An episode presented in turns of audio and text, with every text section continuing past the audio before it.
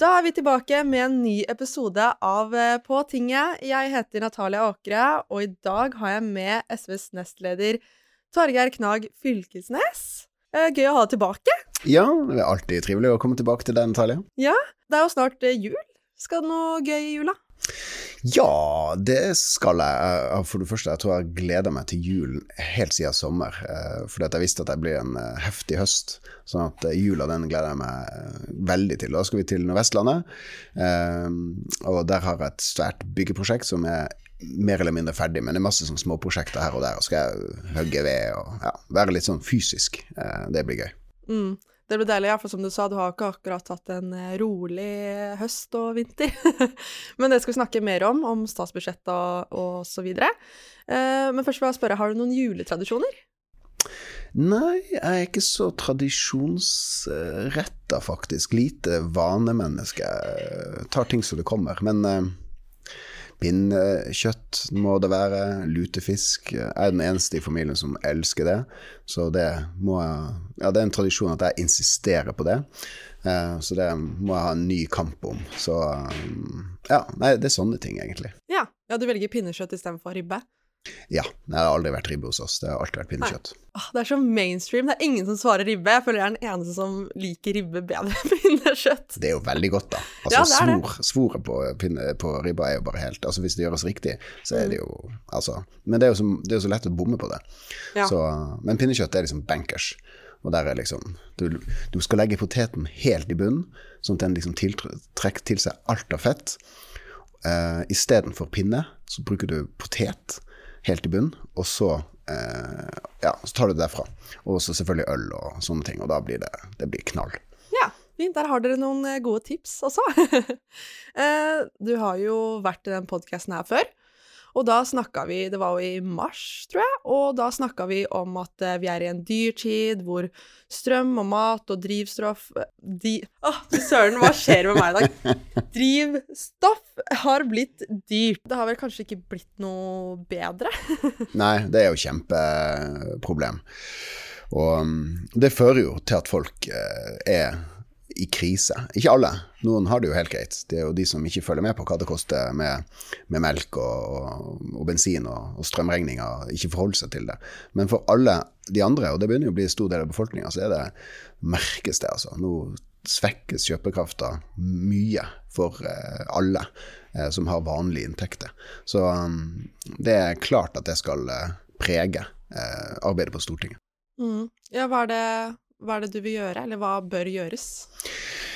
Det her handler jo egentlig om eh, sånn dypest sett om at svaret på det er mer sosialisme. Altså mer omfordeling. Eh, de som har masse penger, det er dessverre veldig veldig, veldig mange nå, eh, som har store store formuer og store inntekter, tjener veldig mye på andres arbeid.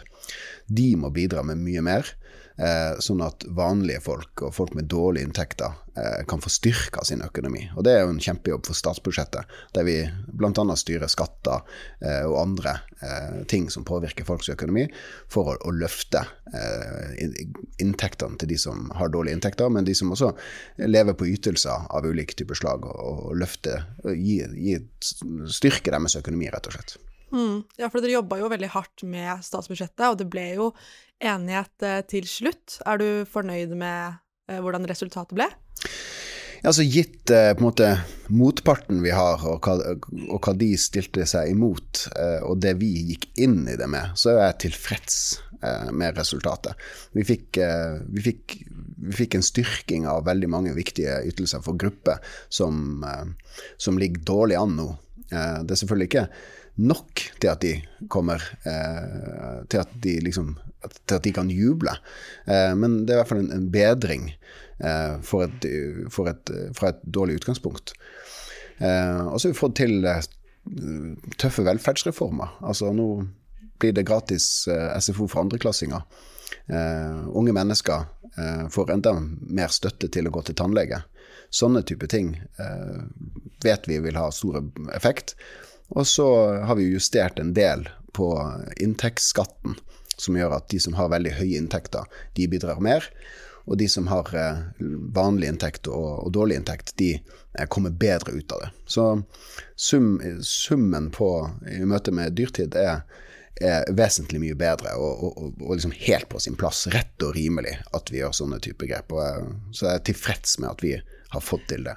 Mm. Ja, det er jo noen av de største tingene SV fikk til i eh, statsbudsjettet. Og, men er det noen Vil du nevne noen ting innenfor Du jobber jo i eh, næringskomiteen. Er det noen ting for ditt felt du har lyst til å trekke fram som du er kanskje litt ekstra glad for? Ja, altså det er en ganske omfattende avtale vi har blitt enige med regjeringa på. Så jo, den har jo mange ting. Alt på, på klima, miljø, natur, eh, bistand. Eh, er det også svære ting som vi har klart å få på plass. Men også på liksom, sektorer, sånn som på næringsfeltet, der vi har veldig klare mål med grønn omstilling som vi jobber ufortrødent med, og der vi har fått til tøffe ting. Blant annet noe som jeg tipper veldig få av våre lyttere har hørt om før, men som kommer til å bli veldig viktig, det er at det skal startes et arbeid med differansekontrakter for hydrogen. Det det betyr, det er at eh, staten sørger for at eh, å bruke hydrogen som drivstoff skal bli eh, like billig, eller til og med billigere, enn å bruke fossil drivstoff. Og det vil kunne Får du på plass den type avtaler med industrien, og med skipsfart, så vil det være startskuddet for hydrogentida i norsk skipsfart og på, på langtransport. Det kan bli eh, avgjørende, og ikke minst for industri. At uh, eh, istedenfor å bruke uh, fossil gass og den type ting som innsatsfaktorer, så kan vi begynne å bruke hydrogen. Så det er veldig sånn nøkkelgrep uh, for den grønne omstillinga der. Eh, men også ting på, på maritim sektor. Eh, båtene som, som far rundt omkring i våre farvann, de går jo stort sett alle sammen på eh, fossil drivstoff. Det vet vi at vi må slutte med. Så det ligger også sånne ulike typer programmer for å erstatte de båtene der med eh, ny teknologi, nye båter som ikke eh, setter oss eh, i skikkelig klimatrøbbel. Mm. Hvordan var det egentlig å forhandle fram dette her? Nei, det er jo tøft. Det, det er jo det. det. Man sitter jo eh, Man forholder seg da til eh, to, eh, to partier, men altså to personer, i tre uker. liksom, og etter hvert gjennom hele døgnet. og, og der utgangspunktene er veldig forskjellige. Der vi møter motstand på egentlig alle våre saker. altså det er jo en grad av konfidensialitet her, men det er vel ikke til å det er ikke noe hemmelighet at uh, alle våre nøkkelområder, enten det var de grepene vi gjorde på dyrtid, eller det var på velferd, eller det var på klima, miljø natur, eller på bistand, så var det motstand i, i, i regjeringspartiene som var ganske betydelig. Så, uh, men ikke sant, eh, de er mindretallsregjering, de er avhengig av oss for å få flertall. Så det pluss på en måte jobb, god jobbing fra hele liksom, stortingsgruppa som ble kanalisert inn i dette eh, i forhandlingsrommet. Og knekke en arm og trekke en tann osv. underveis, så eh, klarte vi å, å, lande en avtale som jeg tror folk er go, ja, godt fornøyd med etter, mm. etter forholda. Så det er på en måte Det er god stemning i dag? Ja, ja da. Eh, det er liksom eh, Det her er jo vi, vi har jo jeg er jo forhandlingsleder eh, for stortingsgruppa, så vi, det er jo vi har vel vi hadde en titalls forhandlinger nå, stort og smått, eh, i løpet av det året som har eh, gått. Så nå begynner vi å bli ganske vant til dette her. Det, det, gjør det ikke enklere, men det, det gjør at når vi er ferdig, og vi, vi, tar hverandre i hånda, og man har gått på noen smeller begge veier, men man har utvikla nye ting, så, så, så er det god stemning. Mm. Det er viktig å ha.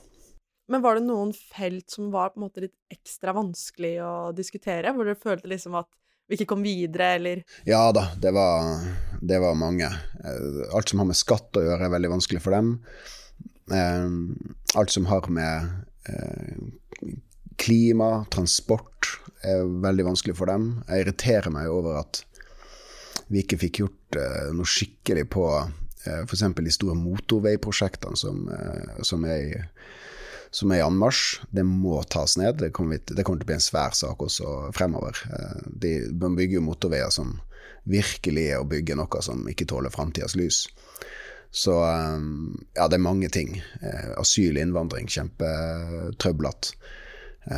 Så, så her var det ja, Generelt sånn fordelingstenkning eh, der er det vi veldig langt fra hverandre, rett og slett. Der vi vil ha skikkelig omfordeling.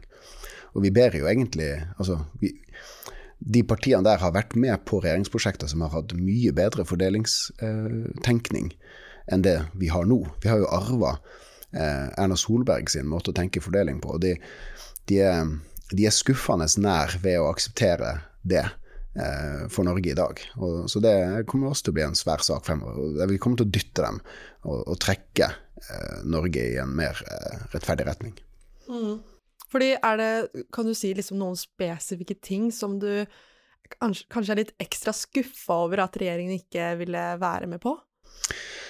Um, alt blir jo på en måte en del av en stor helhet. sånn at det at de ikke ble med på noe, førte jo til at vi fikk dem med på andre ting. Uh, ikke sant? Så ting her er jo en slags sånn um, En skuffelse blir en, en, en, eh, et gjennombrudd på et annet område. Men jeg ja, motorvei, en, den, er, den, er, irriterende. Uh, bygge masse masse penger på håpløse motorveiprosjekter, samtidig som vi trenger å bruke de pengene på helt andre typer områder i samfunnet. Men også på andre samferdselsprosjekter. Så um, den irriterer meg, så den, den, kommer vi nok til å vende tilbake til mange ganger. Da har vi kommet til spørsmål fra lytterne våre, og da er det spesielt tre spørsmål som jeg har lyst til å stille deg fra lytterne. Uh, hva er din hjertesak eller kjernesak som er viktig for deg, som bør gjøres noe med? Oh. Det blir bare vanskeligere og vanskeligere etter hvert som, som tida går. Uh, jeg har fått så mange hjertesaker nå at uh, Ja. Men det er jo Altså, det som kanskje er kjerna i det jeg jobber mest med, det er liksom den rettferdige omstilling.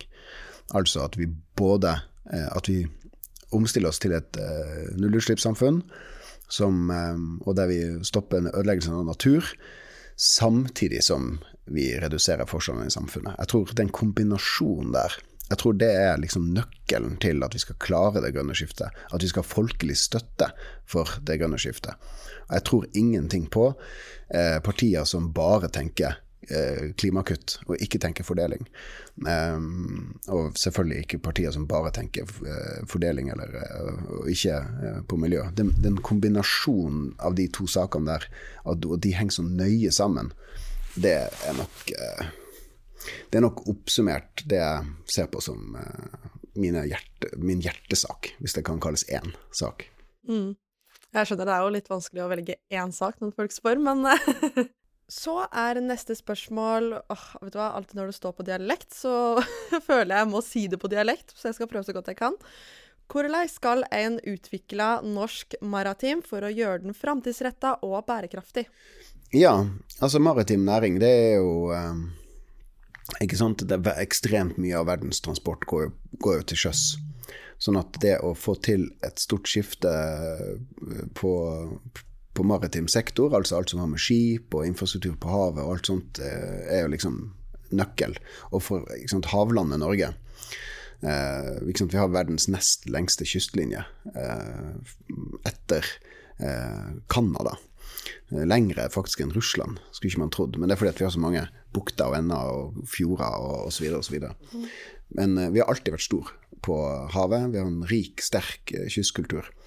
Så jeg tror at nøkkelen til eh, å bygge den er jo å for det første sørge for at kystsamfunnene fortsatt kan bruke, og, kan bruke havet. At vi har en fiskeripolitikk som er på kystsamfunnenes premisser, ikke på storkapitalen og de store rederiene. For det sørger for at det alltid vil være ungdommer som ser mot havet for muligheter. Så er det jo bærekrafta i dette her handler jo om eh, hvordan man bruker havet. Eh, hva skal man tillate til, til sjøs, rett og slett. Eh, og da er jo inne på det som jeg var inne på i, i stad, den overgangen som må skje på båter, eh, er enorm. Alle båter som vi i dag ser, de skal være erstatta eller ombygd eller tilpassa nullutslipp eh, i løpet av 20 år. En enorm eh, omstilling, men også en kjempemulighet. Men det, det, er et omstillingsprogram som det ikke er noe tegn til i dag. Eh, så vi fikk til noen grep på i, i, i budsjettet, men eh, der vi fremover må jobbe enormt. Og så er det jo det er mange som ønsker å etablere næring på havet. Enten det er liksom boring etter mineraler på havets bunn, eller det er olje og gass, eller det er havvindmøller, eller det er oppdrett osv. Vi ser nå en industrialisering av havet i anmarsj. Da er det ekstremt viktig at man har en overordna plan for det, og at man lager et hierarki. Og der man sier at dette får ikke lov til å være på havet. Og, og, og dette skal ha høyest verdi eh, på havet. Og da mener jeg at de viltlevende marine ressurser, fisk, eh, fugl, sånne type ting, de skal ha høyest verdi. Eh, Utviklinga av havet skal aldri gå på bekostning av det. Det er liksom det, er det som er gullet Det, hvis det finnes noen diamanter på havets bunn, så det er mye mindre verdt enn den fisken og det levende livet som er i vannsøyla. Det, det er sånn tusenårsperspektiv eh, vi, vi, må ha. Mm. Og det siste spørsmålet er Hvilken filosof slash filosofisk retning er Torgeir mest inspirert av? ja, altså Jeg har jo det gamle hovedfaget i filosofi. Det var en sånn seksårig utdanning som nå blir borte og erstatta av master, som er, som er, som er en tilsvarende, da, litt kortere. Men Og da skrev jeg eh, hovedoppgave der jeg brukte veldig mye amerikansk pragmatisme. Eh, og spesielt en som heter Charles Sanders Peirce, som da er grunnleggeren av pragmatismen, og også semiotikk, for de som eh, kjenner til det. Så um, det som kjennetegner uh, pragmatismen, er jo en Ligger på en måte litt i, i sakens natur, men de, de, tar utgangspunkt i det som faktisk har praktiske konsekvenser. Det som er virkelighet, er det som har praktiske konsekvenser. Så, um, så, det er liksom mitt uh, grunnleggende utgangspunkt. Også det påvirker meg masse politisk. Uh, jeg, bruker, jeg, bruker, filosofi masse. F.eks. i prinsipprogrammet vi jobber frem det i høst, så, så tok jeg i bruk det. Og, men jeg, liksom, er nok blitt for um, um, ja, jeg bruker egentlig filosofer litt sånn om hverandre, som en form for verktøykasse. F.eks. det deler av en tysk filosof for tida som jeg liksom syns er veldig gøy, som er Sloterdijk. Um, som har en del interessante ting som hjelper meg en del i en del spørsmål på Stortinget. Og også i andre sammenhenger så bruker jeg andre. Så ja, det er nok ikke ett svar på det, men uh, ramma amerikansk pragmatisme. Det er vel kanskje første gang i podkasten vi har snakka om uh, ja. vi, har inn, vi, har gått inn, i, i, uh, i, filosofi. Men det er veldig gøy. da skal vi videre. Nå skal det rantes vil uh, rante litt over hvordan Som har gjort meg skikkelig forbanna denne uka. Dette bryter med våre klimaforpliktelser. Det er lov å tjene penger eh, For ikke snakke om Så jeg blir kraftig provosert. Denne budsjettavtalen, den, den ble vi, vi, tok hverandre i hånda eh, i, i, sånn rundt klokka seks eh, natt til tirsdag eh, forrige uke, blir det vel. Eh, og da gikk, dro jeg hjem, skulle sove et par timer opp igjen. Eh, for det var jo liksom lanseringsdagen og, og, sånt. Men når jeg la meg på puta der, så var det én ting som, bare, som bare satt i meg. Vi hadde fått på plass masse. Milliarder og kjempeviktige grep på det ene og det andre. Men det var spesielt én sak som, som bare dirra i meg. Og det var det at vi hadde klart å få eh, regjeringa, pressa regjeringa til at den familien Collin som satt i kirkeasyl på åttende året på Finnsnes, at de nå skulle bli fri. Eh, det var, det var en utrolig overveldende følelse, en sterk følelse. Og en sånn ek, ekstremt viktig påminning om at uh, politikk er liksom det er, det er, store penger, det er store strukturer og osv. Men når det kommer til stykket, så handler det om enkeltmennesker, enkeltskjebner. Her har de jo sittet i åtte år blir behandla elendig av uh, UNE, liksom virkelig opplevd uh, norske myndigheters brutale ansikt på sitt verste. Og det å få en avklaring på deres situasjon, åh, oh, det var det var, det var utrolig deilig. Og det viser også at vi er et parti som tenker både eh, Som ser de store strukturene, men også ser enkeltskjebner. Så det var Det var Ja, det var, det var rørende. Og jeg var på festen deres i, på tirsdag, i kirka i, på Finnsnes. Frihetsfesten. Massevis av folk. Enorm stemning. Eh, og det var jo på en måte en, stor seier for et helt lokalsamfunn også, som har stått bak eh, den familien der. Hele Finnsnes. Jeg har jo hatt, støtte fra.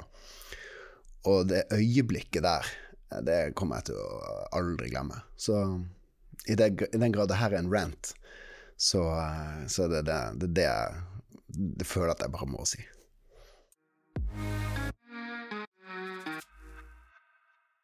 Det var det vi hadde for denne gangen, faktisk. Eh, dere må huske å følge Torgeir og SV Parti på sosiale medier, så er dette faktisk siste episode for i år. Og så er det innafor å si god jul og godt nyttår. Når begynner, man å si det, egentlig? La oss begynne med det nå. Ja, vi kan begynne med det nå. Du Vi begynner. sier fra i dag. Eh, God jul og godt nyttår, så snakkes vi i neste episode neste år. Veldig bra. God jul og godt nyttår.